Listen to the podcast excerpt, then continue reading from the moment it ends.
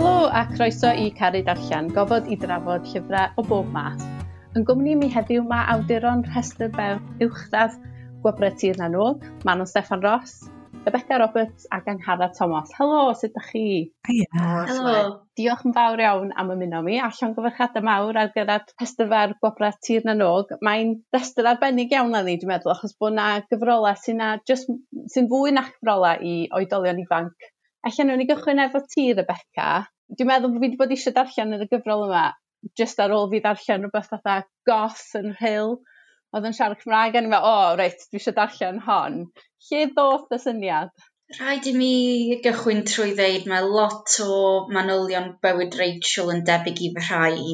Yn un ar bymtheg, mi oedden ni yn goth. Dwi dal yn hoffi cerdded roc. So, um, a, um, yeah, ges i fy ngeni yn y ffilm, mae uh, ma fy nheulu'n dal i fyw yna. A pan o'n i'n ifanc, oedden ni'n mynd i glwb theatr um, uh, yn y theatr fach. A ne, fi, fi es i'n rhan o brosiect drama am drais yn y cartref fel y mae Rachel, felly roedd o'n tynnu dipyn ar fy mhrofiadau personol i a wedyn ges i lot o hwyl yn creu'r sefyllfa teuluol. A hefyd, mae gan fy merch i Elizabeth, mae gen hi goesau prosthetig, felly oedd ni eisiau creu cymeriad oedd yn dangos sut oedd byw gyda, gydag anabledd a gorchfyg i heriau nid fy mod i eisiau iddi, iddi hi efelychu Rachel, ond bod hi'n medru unieithu gyda hi wrth iddi dyfu. Um, a hefyd fel bys ganddi hi rhywun i wisgo fel ar diwrnod y llyfr. Dyma bach o eyeliner yn ffrodi a dyna ni sorted. Dwi'n meddwl bod hynna'n un o pethau braf am y gyfrol ydy bod hi'n trafod y ffaith bod gen uh, Rachel goesau prosetig, ond dyd hwnna di prif stori'r gyfrol, mae jyst ni un o'r ffactorau a peth sy'n creu Rachel fel cymeriad. Ydy, ydy, achos um, dydy anabledd ddim yn diffinio person, ond mae'n cael effaith ar, ar fywyd rhywun, felly oedd ni eisiau trio dangos hynny.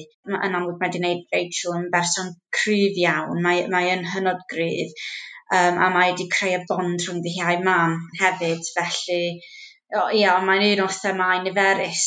Pan mae pobl yn rhestru'r themau, trais yn y cartref, bwlio, anabledd, iselder, iechyd meddwl, mae'n swnio fel nofel hynod o ddwys a anodd i ddarllen, ond wedyn mae pobl yn dweud, well, actually, nes i chwerthu'n dipyn, dydw o ddim yn um, dŵm a glwm i gyd o na, ddim yn gwbl nes i wir mwynhau'r elfennau hiwmor sydd trwyddo fe gyd, ond eto mae'r portread o'r fam a iselder y fam, dwi'n meddwl, yn, yn un trew a, a gwir iawn. Oes na Helen dau ar y ffordd?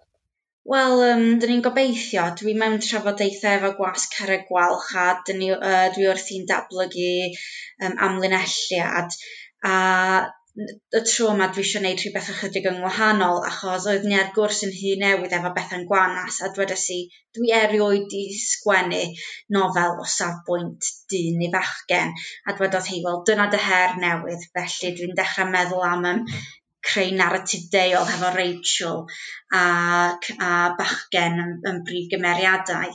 Felly mae'r syniadau yn midferwi yn fy mhen ar hyn o bryd, cawn ni weld be mae yn golygydd ni a yn meddwl ohonyn nhw. Ond um, bendant, ges i gymaint o hwyl yn sgwennu o safbwynt Rachel. Dwi rili really yn edrych ymlaen at gael sgwennu'r um, dilyniant, achos mae'n mae gymeriad hwyl i dreulio amser efo. Manon, nes di fynd i drywydd, wel, alla anisgwyl alla, greu nofel dirgelwch yn llechi i radda. Lle ddos yr ysgogiad? O, oh, mae hwnna'n gwestiwn anodd. Dwi'n meddwl, o'n eisiau sgwennu rhywbeth oedd di lleoli yn festa, um, lle eisiau i'r ysgol. A hefyd, ti'n rhyw fath o sylw ar ym yma uh, yn hun o ran tywa, pethau dwi'n gwylio ar y teledu neu falle llyfrau dwi'n licio darllen, neu o'n i licio darllen ar y pryd. A jyst y ffasiwn ma am nofela, trosedd, yn enwedig nofela a rhaglenni trosedd, fel arfer maen nhw'n ymwneud efo llofruddiaeth dynas ifanc. Ac o'n i yn dechrau meddwl am pam bod ni'n licio gweld hynna, pam oedd yna'r math o beth, da ni'n mwynhau gwylio a, a darllen a, a, a be mae hynna'n ddeud amdana ni. Lle. Ac o'n i'n meddwl mae'r ffordd ora o archwilio fo fysa i greu yr union beth yna fy hun a cwestiynu chydig ar pam fysa rhywun yn darllen ymlaen pan mae rhywbeth mor dywyll a mor uchafu a gobeithio bod nhw yn mynd i ddarllen ymlaen wrth gwrs. O, yn sicr, dwi'n meddwl bod hi'n anodd iawn peidio unwaith ti wedi dechrau, oedd o'n un o'r cyfrolau ni ddim cweit yn gallu rhoi di lawr. Diolch ti. So, oedd ti wedi cynllunio yr holl syniad yn dibynnu, oedd y cymeriadau yn mynd â chdi a daith hefyd? Mae hon yn un o'r rai dylsyn ni fod wedi cynllunio, achos bod hi'n ofel dros e. Mae'n rhyw dynit mewn ffordd, felly dylswn ni wedi cynllunio, ond o'n i ddim yn gwybod bwy oedd yn gyfrifol am y llofruddiaeth tan o'n i wedi sgwennu tua tri chwarter o'n i. A nes i ddanfon y tri chwarter gyntaf i Meinir Edwards y golygydd a dweud pwy wyt ti'n meddwl nath a penderfynu pwy bynnag oedd hi'n dweud dim dyna pwy o'n i'n mynd i pwy o'n i'n mynd i ddewis. Um, ond un o'r pethau arall efo llechi, oedd unwaith nes i ddechrau sgwennu hi, oedd, oedd o'n i'n sylweddoli mod i mewn ffordd yn, yn ysu, i gael deud rhywbeth am y ffordd da ni'n gwahanol ddosbarthiadau fewn cymdeithas, sut da ni'n gweld gwahanol bobl, be da ni'n rhoi gwerth arno fo, a math yna o beth. Mewn ffordd, y llofruddiaeth ydy un o'r pethau lleia afiach yn y nofel. Dwi'n meddwl, mae'r, pan dwi wedi darllen o'n ôl, dwi wedi meddwl, mae'n nofel reit sinigaidd mae cymeriad Gwenno, yr hogan sy'n cael ei lladd, mae, mae theulu hi, i rhieni hi, da ni'n ara dod, dod i'n abon nhw fel da ni'n darllen, a, a wir, maen nhw'n bobl, wel, sydd wedi torri, ond sydd yn edrych um, yn hollol wahanol i hynna, lle. Um, a wedyn, bobl sydd, lle, lle maen nhw, ma, y ffordd maen nhw'n edrych i weddill gymdeithas mor ofnadwy o bwysig iddyn nhw. Um, bod o'n cymryd drosodd e efo bob dim. A dwi'n meddwl, pan dwi wedi darllen hwnna'n ôl a gweld tfod, o'n i'n sylweddol ni mod i'n teimlo'r peth yna. Os dwi'n meddwl bod hynna'n ddiddorol am, am, am gyfrolau'r tair o'na chi. Maen nhw'n gymeriadau allan a dydyn ni'n gweld digon ohonyn nhw yn, yn, mewn cynyddiaeth Gymraeg, ac mae'n wedi cynyddiaeth i bobl ifanc. Dwi'n meddwl bod pobl yn chwilio, wedi pobl ifanc chwilio am gymeriadau a gymdeithas maen nhw'n nabod. A dwi'n meddwl bod hynna yn cael ei weld yn y llyfrau Rebecca a, a Manon yn arbennig. Wel, yn tyfu fyny, dwi ddim yn cofio darllen llyfrau oedd wedi lleoli yn y gogledd ddwyrain, heblaw am dwi'n cofio agor um, cyfrol Ginny May a gweld cyfeiriadau eitha Gypsy Rose Lee yn Marine Lake a mynd, oh, mae Ginny May di mynd i'r rhyl. A Dwi'n meddwl um, mae hynna'n rhan o pale Helen, tydi bod pobl ifanc uh, y rhyl a prestatyn ac ardal y glanau, um, med, uh, maen nhw'n gyfarwydd hefo'r ardal a maen nhw hefyd yn felly'n clywed tafo, uh, gweld tafodiaeth nhw ar bapur um, ar, ar, ar defnydd helaeth o Saesneg hefyd um, achos mae i fi'n tyfu fyny dim ond rili yn yr ysgol nes i glywed y Gymraeg. Felly o'n i eisiau dangos fy... Oedd o'n teimlo, oedd o'n brofiad od i fi pan o'n i'n agor nofel Cymraeg a fydd yr holl gymeriadau'n siarad Cymraeg. Dim dyna oedd fy myd i. Felly, do'n i ddim eisiau gormod o Saesneg, ond o'n i'n meddwl bod yn bwysig dangos fod yna deuluoedd lle mae'r mae un rhiant sy'n siarad Cymraeg, mae'r plentyn yn clywed Saesneg ym mhobman arall heblaw am yr ysgol, achos mae hynny'n adlywyrchu profiadau 95% o blant yr ysgolion Cymraeg sy'n lleol i mi a fy mhlant fy hun achos dwi'n siarad Cymraeg gyda, uh, gyda'r plant ond mae'r gŵr wrth i'n dysgu felly mae e jyst yn sefyllfa normal ond dydw o ddim yn un sy'n cael ei gweld o fewn llyfrau yn, yn aml iawn. Mae'r peth deryddol yn ddifur i fi dwi'n meddwl achos o'n i ddim wedi sylweddoli gymaint dwi'n mapio tir efo y nofela dwi wedi darllen amdano nhw yng Nghymru. So, os ti'n teithio i ardal lle dweud bod chdi'n mynd i Fethesda a mae un o sal yna neu tywed, os ti'n mynd i Gynarfon a ti ar dir gair saint um, a tan i fi ddarllen Midferwi nofel Rebecca o'n i'n mynd i sylweddoli bod gynna fi ddim y map yna map uh, y meddwl llenyddol. Felly, ia, mae mor, mae jyst yn agor allan rhyw ardal hollol newydd, ynddi, mae'n beth mor braf. Angharad, nes ti agor byd newydd i lot fawr ohono ni drwy Castell Siwgwr, mae'n nofel amserol iawn ar gyfer yn cyfnod ni. Oedd ti'n disgwyl hynny ar y pryd? Na, gwan. A traffaith mwyaf oedd cael gafal ar stwff ac yn eirionig iawn ar ôl i mi orffen y nofel. Mi ddodd na gwrs Future Learn ar uh, fywyd caethweision yn uh, India'r Gorllewin. Felly, fysa hwnna wedi bod yn berffaith o ran ymchwil, ond doedd o ddim ar gael o'r pryd. Be oedd yr ysgogiad i sgwennu'r gyfrol? Wel, yn ddifur iawn, ar ddangosfa Manon yn Castell Penrhyn. Nes i fynd i weld hi yn haf 2018 a nes i ddod o'na um, mm, wel, mewn rhyw fath o stad o sioc a meddwl, wel, os swn i'n gallu sgwennu llyfr am sut dwi'n teimlo rwan ar ôl cael wybodaeth yna, swn i'n modlon lle. A wedyn nes mm. i hmm. nad defnyddio yr delwedd ar y clawr y Castell Tiwgor oedd yn rhan o'r arddangosfa hmm. ac oedd hwnna o'r cychwyn o gynnau ffotograff ar ffrynt y ffeil ac oedd hwnna'n dod ar arddangosfa nôl i mi de. Fi eisiau mynd gweld yr arddangosfa ond dwi'n cofio gweld y ddelwedd yna ar Castell siwgr. ac oedd o'n oedd o mor drawiadol ac dwi'n gallu gweld sut fysa fod wedi bod yn ysgogiad o fod wedi mynd i'r efen allfa hefyd. Mewn nodiadau ar ddiwedd y nofel, nath y dyfyniad yma aros efo fi, da chi'n deud, ni ddefnyddiais fawr ar fy nychymig o sgwennu'r nofel. Dwi'n meddwl bod frawddeg yna wedi aros efo fi achos mae'r disgrifiadau enwedig o fywyd y caethwision mor erchyll a mae'r ffaith bod o'n wir yn, yn gymaint o agoriad llygad i mi arbedig bobl sydd ddim wedi cael unrhyw fath addysg go iawn am gaeth wasiaeth. Mae o'n rhyw syniad pell i ffwrdd nath William Wilberforce ddod yn asachu bob dim ac o bob dim yn iawn, fatha bod ni wedi gwneud rhyw gymwyn mas fawr, bod ni'n bobl dda. Mm. Pa mor anodd oedd sgwennu'r nofel yma? O, oedd o'n anodd, achos o'n ni fel tîm meddwl, wel ia, fydra ni smalio bod Castell Penrhyn yn rhywbeth oedd yn perthyn i rhywun o'r tu allan i Gymru, ond oedd mynd i wrando ar ddarlith Chris Evans a fo'n deud na uh, glân o ganolbarth Cymru oedd yn mynd i ddilladur'r caethwision oedd y cysylltiad uniongyrchol yna ac o'n i'n teimlo yn rhannol euog achos o gennau i hen hen daid oedd yn berchen ffarm yn, yn rhaws fynydd ac oedd hwnna'n rhan o'r diwydiant glân a nath hynna newid ym mhysbectif i ond dwi'n dychryn rwan o sbio nôl bod fi'n cychwyn nofel a ddim unrhyw fath o wybodaeth ar wahan fel be' ti'n deud gwybodaeth arwynebol a ddim yn lot o wybodaeth o o'r cyfnod chwaith felly oedd isio trwytho'n hun yn hwnna. Dim gwybodaeth am wlân a dwi'n falch bod fi wedi cael cyfle i fynd rownd am amgueddfa wlân yn y cyfnod cyn clo ond um, ia oedd o jyst yn a dyna be' oedd yn cadw i fi fynd o'n i'n pen o'n i'n anobeithio meddwl o na all- allai'm neud hwn um, o'n i'n teimlo, wel, mae rhyw fath o ddyletswydd arna i. A wedyn be nes i o'n dweud, mae yna dwy stori y, Gym y Gymraes Dorcas ac Eboni, ac er bod Dorcas yn y trydydd person, mae Eboni yn y person cyntaf, achos ar ôl darllen yr wybodaeth am sut oedd y caethwision yn cael ei trin, o'n i'n meddwl, wel, hyd yn oed os gynnau i ddim yr wybodaeth ffeithiol i gyd, allai roed yn hun yn y sefyllfa sy'n swn i'n teimlo swn i'n cael yn rhin a dyna sut, sut oedd o a bod ti'n sgwennu rhywbeth o ddyddiadur er na dy gynnu wedi cael yr addysg i, i ddarllen ac i sgwennu. Um, lle na, yn y, yn, hwnna oedd yr dychymig oedd yn dod i mewn a wedyn just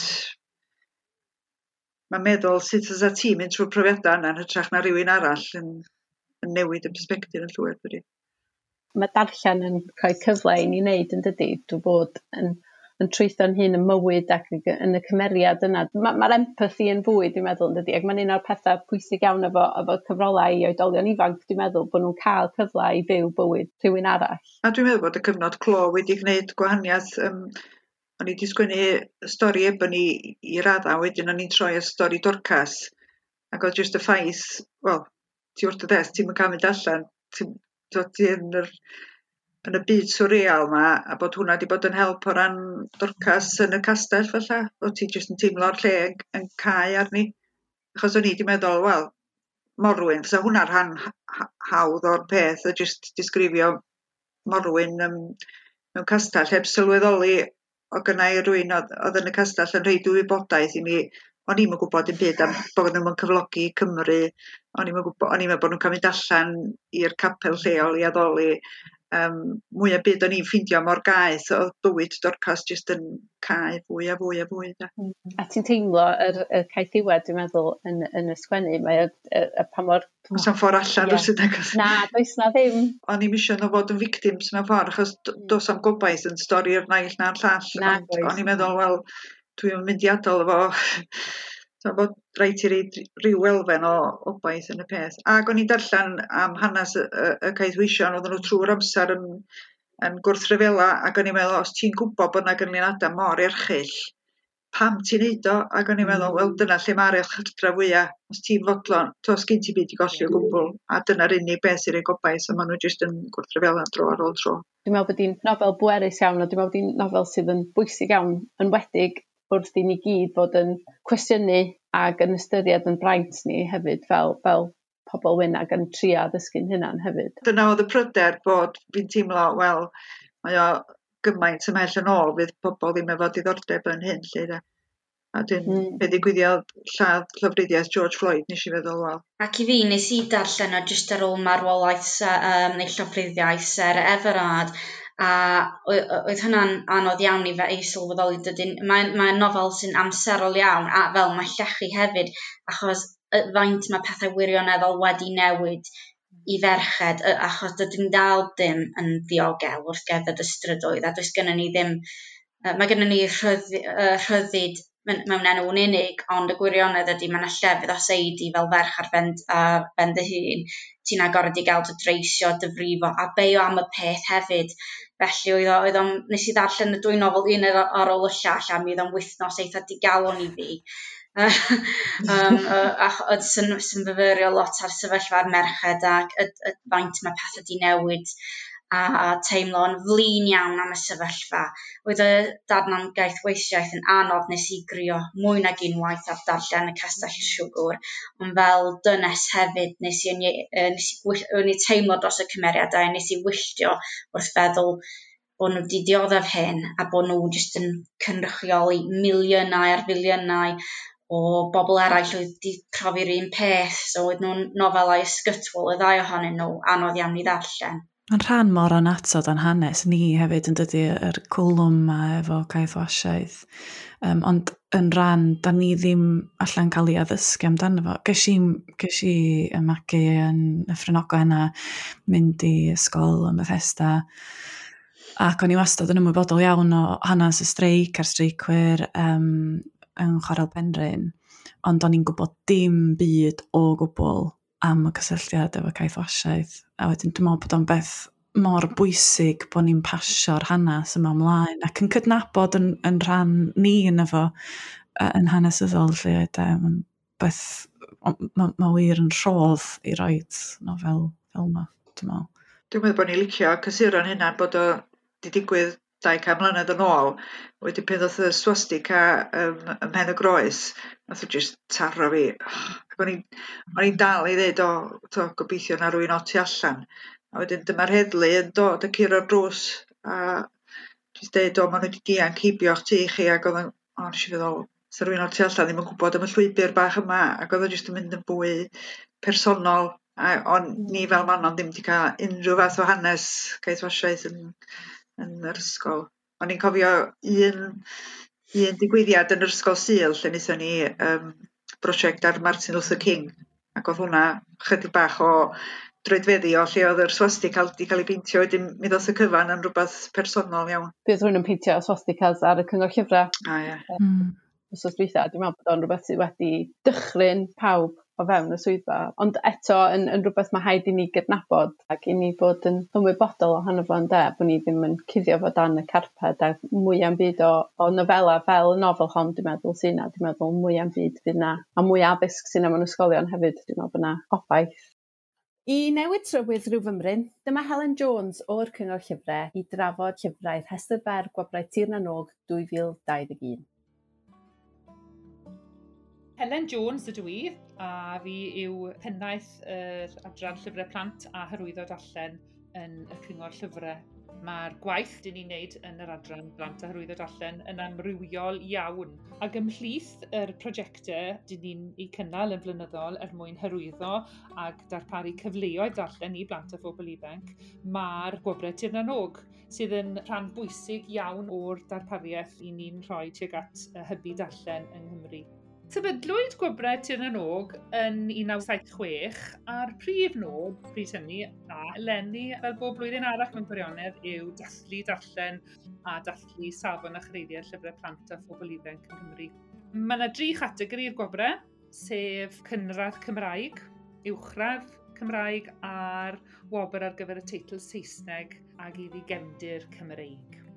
Mae'n mae wych bod yr awduron sydd wedi cyrraedd yr, y rhestr fer ymhlith yr nifer fawr o deitlau gath i hystyried ar gyfer y gwobrau wedi galluogi i barhau gyda'r gwaith o ddarparu cyfleoedd darllen mewn cyfnod lle mae, mae darllen yn gallu golygu gymaint yn fwy i bobl.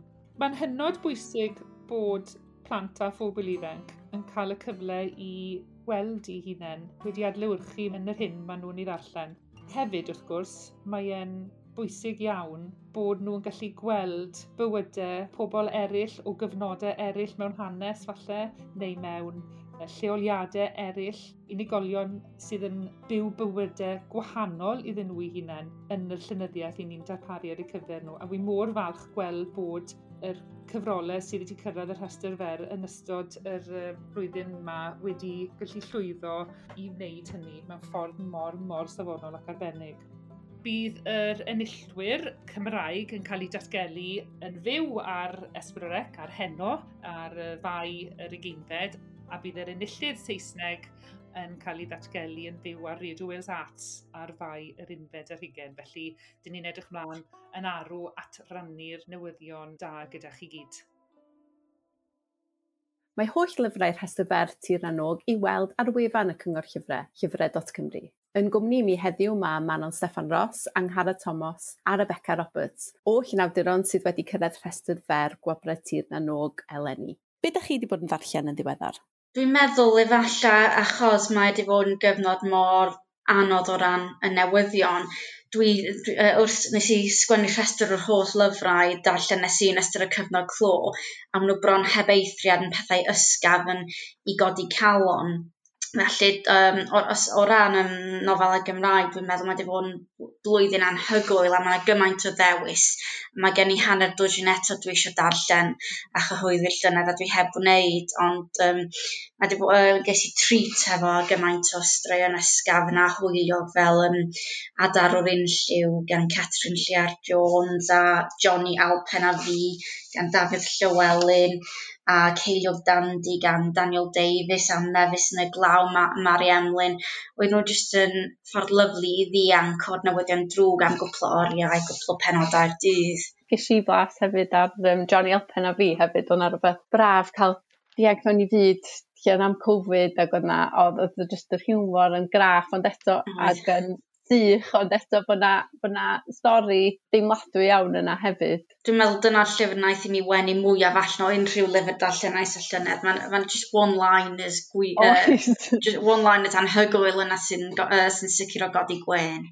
Mano, beth ti wedi bod yn berchen? Wel, uh, dwi'n ar y deg iawn, mae gen i bentwr enfawr o lyfrau a dwi wedi darllen am bell nofel dros y cyfnod clo. Nes i wibio trwy uh, Rhedeg i Baris, Llwyd Owen, um, ac o'n i'n hwyr iawn hefyd, ond nes i, nes i darllen Babel, oh, anhygoel, just werth yr hype i gyd, ond um, tu ôl i'r awyr, dwi'n meddwl Megan Hunter, Um, oh, dwi just methu. Dwi dal, mae'n fusedd ar fusedd ers i fi ddarllen hwnna, a dwi dal just methu dod drosti bron. Ti'n gwybod, mae just yn mm. aros efo chdi mor hir, mae'r cymeriadau mor real, mae'r just yr emosiynau yn, yn taro rhywbeth, yn taro tant, yn rhywle.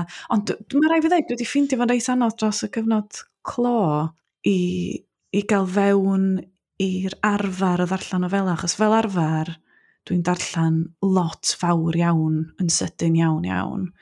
Ond dwi'n meddwl, os ti'n darllen ffuglen um, a cael ei fewn i stori, mae o'n mynd â chdi i ryw le arbennig yn dy ben. Mae o'n agor chdi, mae'n agor dy galon di, agor dy feddwl di. A dwi'n meddwl mae'r cyfnod clo ma di bod mor ansicr ac anodd a rhyfedd bod fi ddim cweith isio agor yn y mm. ffordd yna mod i isio cadw chydig bach o reolaeth a gorfod aros ar dir real. Felly dwi wedi bod yn darllen mwy o bethau ffeithiol greadigol dwi wedi cael obsesiwn llwyr yn ddiweddar efo ysgrifau T.H. Barry Williams a rhai o ysgrifau Orwell Pete hefyd. Dwi'n meddwl bod yr ysgrif yn cael rhyw fath o, wel, ddim bod hi wedi bod yn illa, mae'n cael rhyw fath o comeback, dwi'n meddwl. Mae lot fawr o bobl i weld fel tasen nhw'n cael blas mawr ar ysgrifau ar hyn o bryd. Ti'n mae'n ffurf mor fyr, ond eto ti'n gwybod, mae'n un o, os di'n dda, mae'n aros efo chdi. A hefyd mae ysgrif yn rhywbeth dwi ddim yn gallu dychmygu sgwennu dim byd fel a. Dwi'm yn gwybod sut fysa rhywun yn dechrau, dwi'm yn gwybod sut sa'ch chi'n hyd yn oed meddwl am bong, a mae'n rhywbeth, rhywbeth braf iawn am hynna, fatha darllen rhywbeth mor, mor wahanol i be bynnag ydy o dwi'n gweithio nhw ar y pryd. Angharad, wyt ti wedi cael blas ar ddarllen yn ystod y cyfnod, neu wedi bod yn anodd? Wel, nes i sylweddoli am bod y car ddim yn cael ei ddefnyddio o gwbl, nes i jyst wneud trosglwyddo'r holl arian swn i wedi ar, wario ar betrol ar lyfrau a heb deimlo'n anifin. A busnes, o, mae eisiau cyflogi siwp y lleol. O iawn, a mae'n cael traffath. So, postio a gofyn am bob un. Lle. A wedyn, eisiau trwy'r um, cofiannau trwm, o fatha O.M. Edwards a T. Gwyn Jones, a dwi wedi methu gorffan cynnan, jyst dynion 'dyn nhw gyd e. a hyd yn o'd pan o'n i'n darllen rhywbeth diweddar oedd efo yy dwi eisiau bod Hugh George neu pethau fel fela ond mae'r nofela fel o'dd Rebecca'n dweud, gan, gan ferched Twll Bach yn y Niwl Llio Maddox nes i fwynhau oh, hwnna'n arw iawn a a yy Tu ôl i'r Awyr A mae hwnna'n dod â gymaint o ysgol Dyffryn Nantlle ôl i fi o'n i fel o ydy rhywun o tu allan i Dyffryn allan wedi allu i ni si. Mae jyst clywed, t'wod yr iaith ti'n clywed gan um, blant ysgol yn ystod y dydd. Ond yn bapuroli angen y preis, fyddwn ni'n deud cael mwynhad. Yn yr ystyr mae jyst yn gallu mynd i lefydd. Mae gen i'r um, ysgrif am yr llistri capal. A jyst y gwpan capal sy'n ar ei desg sydd wedi ysbrydoli'r ysgrif ond mae'n mynd ar y trywydd i atgofio ni fel plentyn yn y capel, a mae'n dod o fo gyd yn ôl ydi a wedyn dyma fi'n gofyn i'r gŵr sy'n dod o gefndir pabyddol yn y de a dyma fi'n dweud, nes hyn i'n golygu dim i ti a nath o ddeud ia nes i fwynhau hi'n ofnadwy ond mae siŵr bod chdi wedi cael gymaint mwy yn yr ffordd oedd o'n dod ag atgofion yn ôl. Ia felly merched sydd wedi arwain efo'r stwff cyfoes falle ar yym yy yn fwy na'r cofianna trwm lle dwi'n methu dallt pam. Nad ydy'r wel yn yn OM o'n i'n gweld bod o'n taflu goleini difyr iawn ar fywyd gwraig OM ac o'n i'n teimlo wel illa na amdani hi a Melin dylan cofiant fod. Ond fi droi ddall Manon yn disgu mewn cariad efo Parry Williams hefyd achos ti'n jyst methu cael digon o hwnna dwi'n teimlo dyle pawb gael rhyw ysgifri fecwas bob bora neu rhyw gerdd cael digon o, o Parry Williams. De. Mae llyfr OM dwi'n meddwl ydy dychryn fi braidd, ond mae'r elfen yna ohono fo, y stori am wraig OM, di apelio lot, a dwi'n dwi, dwi eisiau darllen o just yn anodd efo plant bach mewn cyfnod clo. Sut brofiad o darllen y gyfrol yna? Wel, dyn sy'n eicon, de. A, mm. a, a gynnau gymaint o barch, a da ni mor dyledus iddo fo, a mae o di newid bywyda pobl o ran dod ar Gymraeg yn ddengar ond o'n i yn cael y busnes y berthynas ar wraig. Yn yr ystyr wel, felly bod o'n wir am lot o ddynion dri maen nhw i bywyd nhw a i uchelgais nhw. Ond o'n i cael y ddeoliaeth hefyd pam oedd o'n byw yn Rhydychen a, a Sir Beirionnydd yn golygu cymaint iddo fo de. Oedd na adolygiad gan David Iwan ac illa na dyna y ddeoliaeth yn y dyn yma ydy'r ydy peth mawr ond wedi dim anwybyddu y ffordd mae hi wedi cael ei ffordd mae Elin wedi cael ei amddifadu o, mm. o ddilyn i bywyd i hun de. A cynnal y mm. bywyd mm. oedd hi'n gorfod adre lle um, y tŷ anfarth yma a mae'n siŵr bod o'n sioc i bobl doedd yn Llanuwchlen i gael y tŷ yma tŷ ollol anebyg i bob tŷ arall yn cynnal rhyw fath o fywyd i chelwr uh, na o'n i ia, y ddeuoliaeth oedd yn od yn efo. A ddech chi'n meddwl bod yna reswm bod merched ddim i weld mor awyddus i sgwennu hunan gofiannau? Mae ma cyfrol eigra ar y ffordd yn dydi uh, hunan gofiant eigra'n dod, dwi'n meddwl, diwedd mis yma. Felly, ydy, ydy merched allan llai awyddus i fod yn trafod i bwyda? Wel, un o'r rhai cyntaf nes i ddarllen o, oedd Lowry Morgan, er, nag yn Saesneg oedd hi wedi sgwennu fo. Ond mae jyst angen does um, a dwi rwan yn gwneud ymchwil i wahanol bynciau a trio mynd ar ôl ymchwil merched. Dydy'r ffeithiau ddim yna a mae mor anodd cael gafael arno fo a mae'n bywydau diddorol yma, ond jyst dyn nhw ddim wedi cael ei, ei cofnodi. A, a dwi wan yn trio sgwennu nofel am Silin a'i wraig. Wel mi ddaru hi grefu bod bywyd i, i gwrin cael ei gofnodi mi nath hi job wych o archifo'r papurau i gyd ond nath i ddim gwneud hynna efo'i stwff i hun. Felly mm. mae'r stwff naill ei di mynd, neu di'n posib cael gafal yna fo. Ond um, mae'n bechod, nad ydy'r dynion y fath yn deud, o mae rhaid i sgwennu cofnodi bywydau'r hmm. merched fe yn yr, yn yr un modd. Llyfr ge, um, ges i flas arno, nath o'n helpu newid fy mhersbectif i, ydy The Five gan Hallie Rubinhold, sy'n uh, sydd yn um, crynhoi bywydau um, pobl, uh, merched gafodd ei ladd gan Jack the Ripper.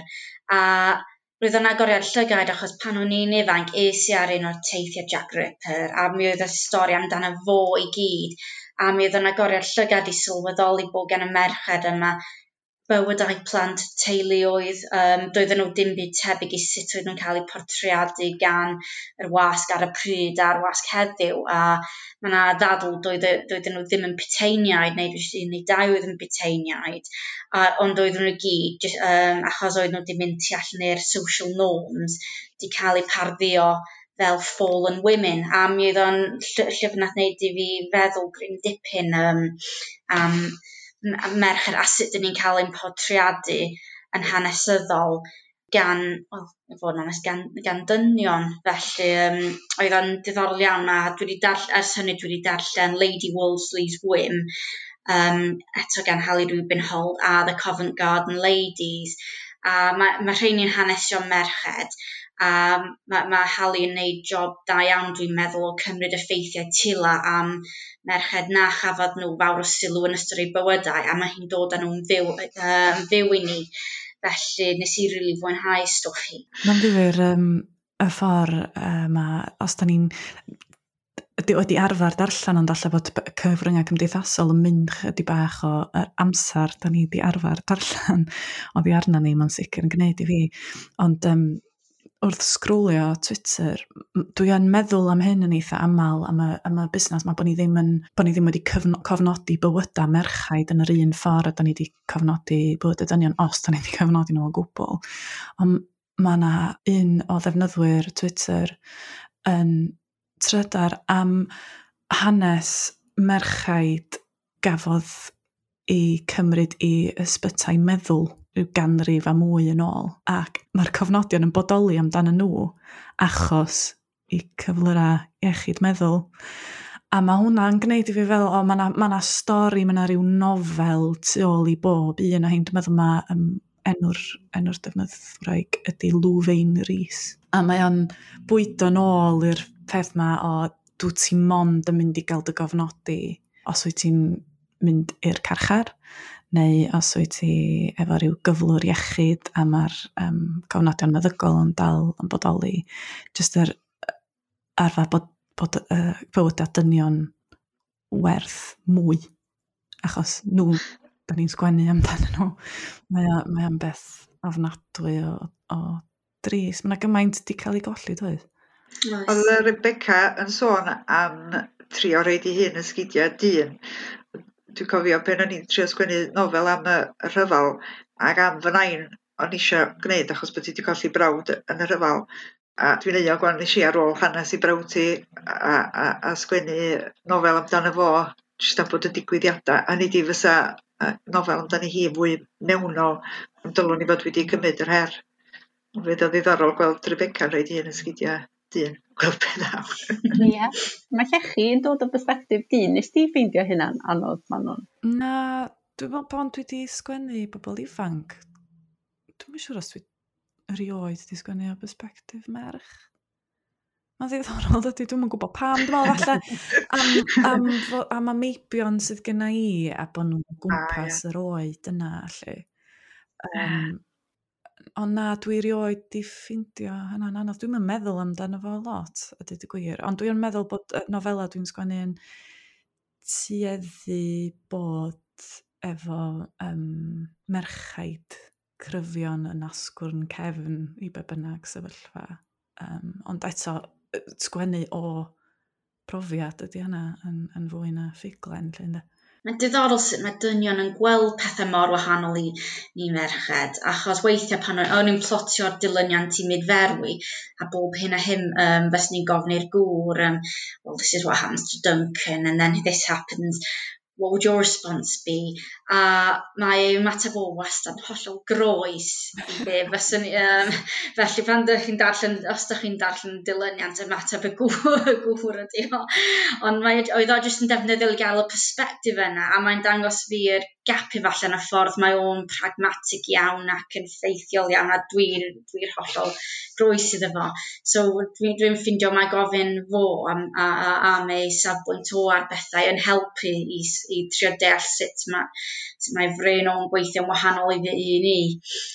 E, Mae'n bwnc diddorol dwi wedi cael sawl trafodaeth diddorol hefo fy ngrwp darllen, clwb darllen a sgwrs sgwrsau diod ym Mhrestatyn am dynion yn sgwennu o safbwynt merched a vice versa. A dyn ni wedi dod i'r penderfyniad, dio e ddim wastad mor llwyddiannus a sgwennu am rhywun um, o'r un rhywedd a ti. So mae o'n um, mae'n bwnc diddorol, ond dyn, dyna fy heimlad a i, ond dwi'n siŵr bod yna lot o esiamplau sy'n profi ddyn anghywir os na gyfrola da chi'n edrych ymlaen at i ddarllen neu rhywbeth sydd ar y gorwel ganddo chi?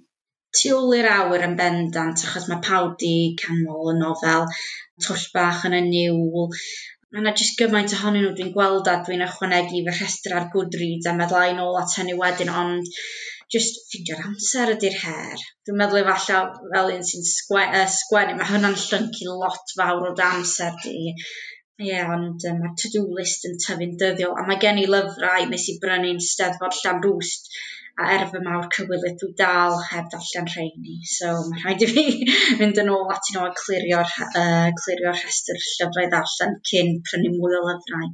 Angharad, sgynnwch chi, ydych chi'n edrych ymlaen i ddarllen?